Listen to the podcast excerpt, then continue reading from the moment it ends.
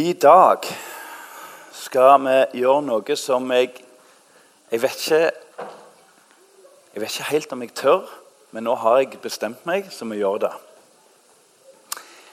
Nå er denne gudstjenesten snart ferdig, men vi skal altså gjøre noe som Jeg tror vi bare gjør det. Kan vi få et par karer fram her som eh, skal hjelpe meg?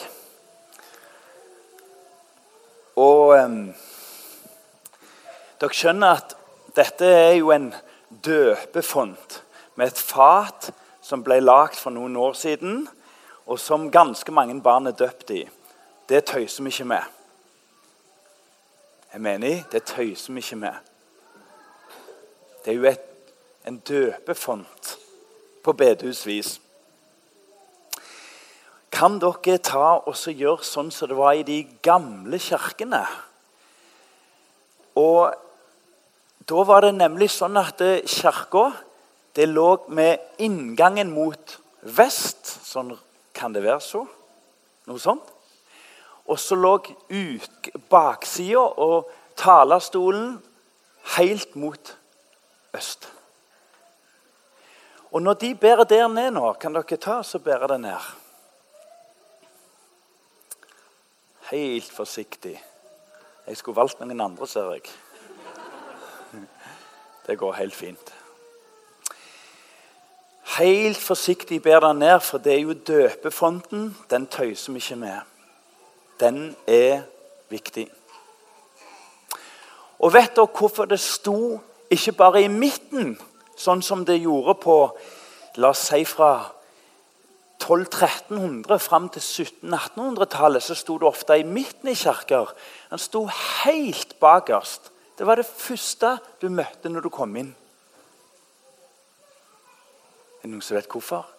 Jo, fordi det skulle minne oss om at eh, i Guds rike må du ikke krangle deg inn.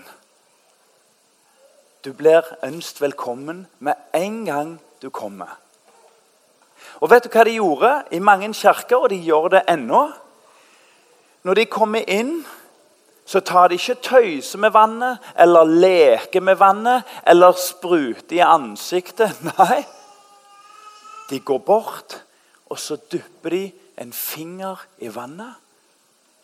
Og så går de inn og setter seg. Hvorfor gjør de det? Vi skal nok ikke begynne med det her med det første, i hvert fall. Da, da er plutselig ikke jeg pastor lenger.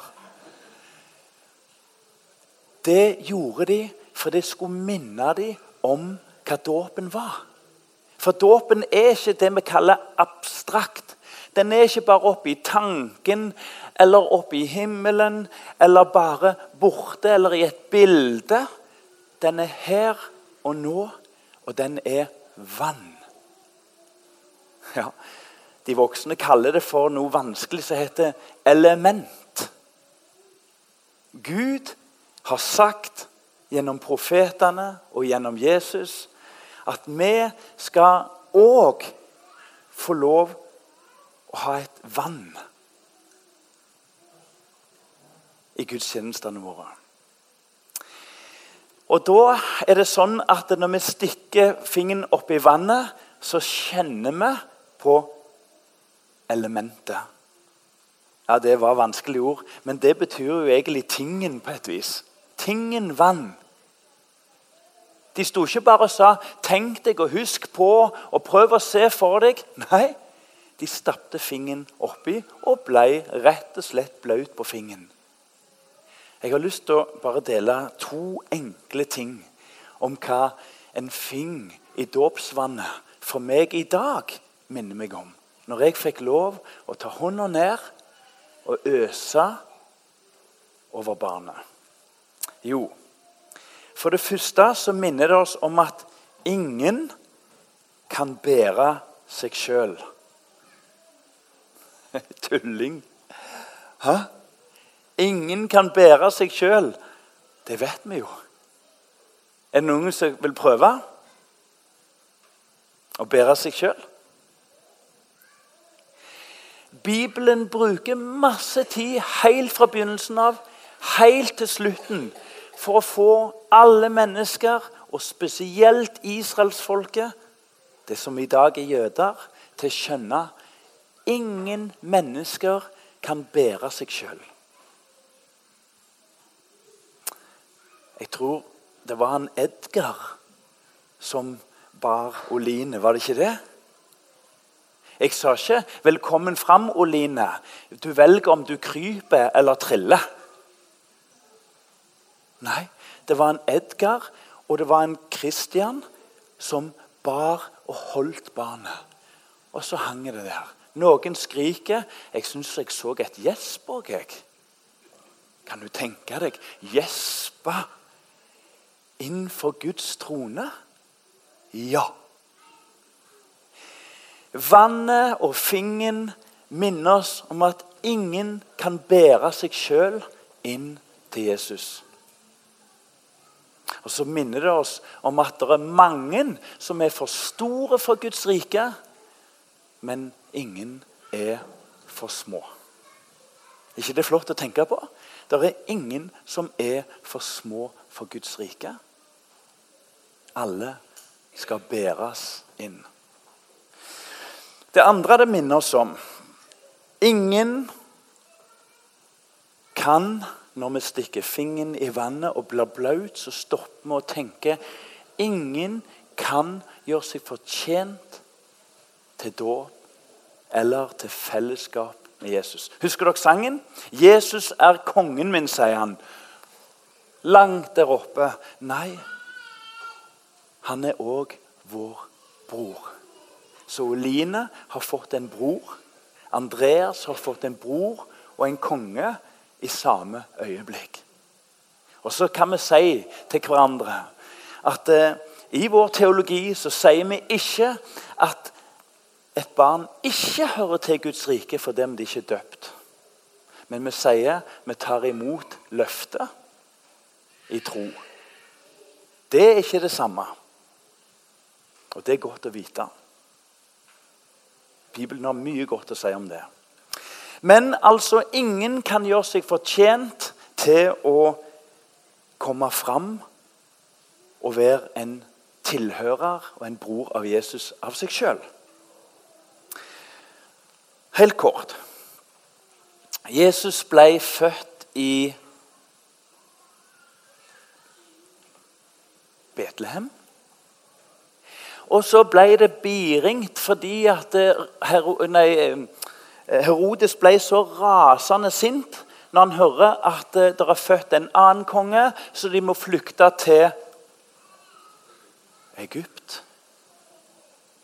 Og så får de bud eller beskjed om at nå var Herodes død, så de flytter tilbake igjen til Israel. Men de måtte lande i Nasaret, for de stolte ikke på kongen. Verken i Betlehem eller Jerusalem. Så lever Jesus ett år og fem år og ni år og 13 år og 22 år. Hører vi noe mer fra han? Når er neste gang vi hører fra Jesus? Var ikke han tolv år når han var i tempelet?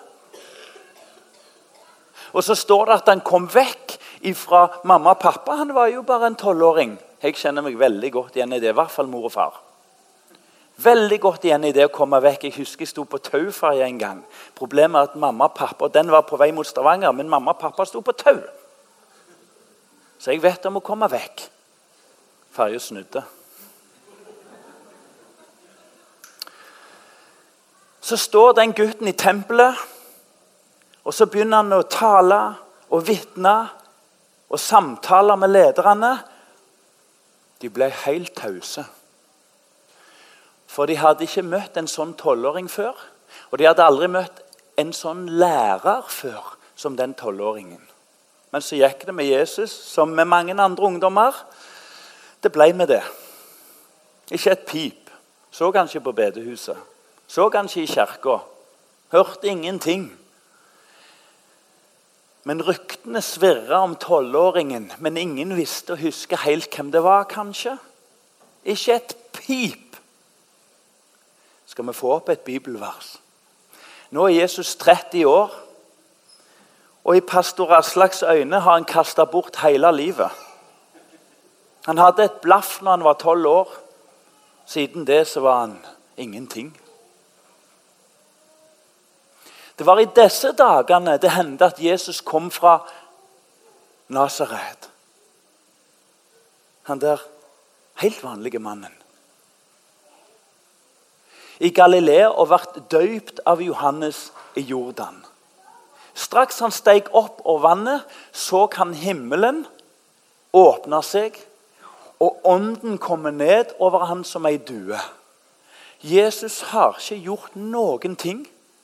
Han har ikke helbreda. Han har ikke talt for store folkemengder på lenge. Han har ikke gjort tegn og under. Han har ikke trøsta noen, så langt vi vet. Helt vanlige mann. Og så kommer det ei due ned, og så kommer det en røst som hørtes fra himmelen. Hør! Du er sønnen min, barnet mitt, som jeg elsker. I deg har jeg hugnad.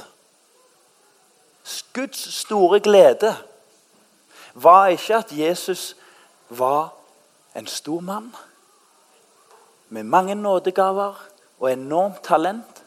Det var at han var hans elska barn.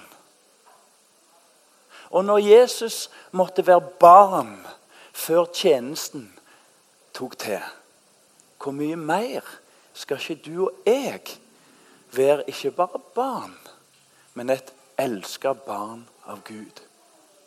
Og av all motvilje vi mennesker har, så kan ingen måle seg mot motviljen av å være et barn av Jesus Kristus. Den er medfødt og kommer helt av seg sjøl. Så i dag dypte vi fingeren sammen i vannet for å minne hverandre om at ingen kan bære seg sjøl til verken dåp eller nådegaver eller Gud eller noen ting som helst. Og vi minner hverandre om at ingen kan gjøre seg fortjent for så å få alle gavene. Nei, Gud starter med barnegaven, og rett etterpå så smalt det som bare det for Jesus. Med fristelse og med utfordringer på rekke og rad. Men han gikk inn i det, og kraften var å være barn av Fader. I dag fikk vi lov å bære i tro to barn innenfor Guds trone. Ufortjent, i glede og lovsang.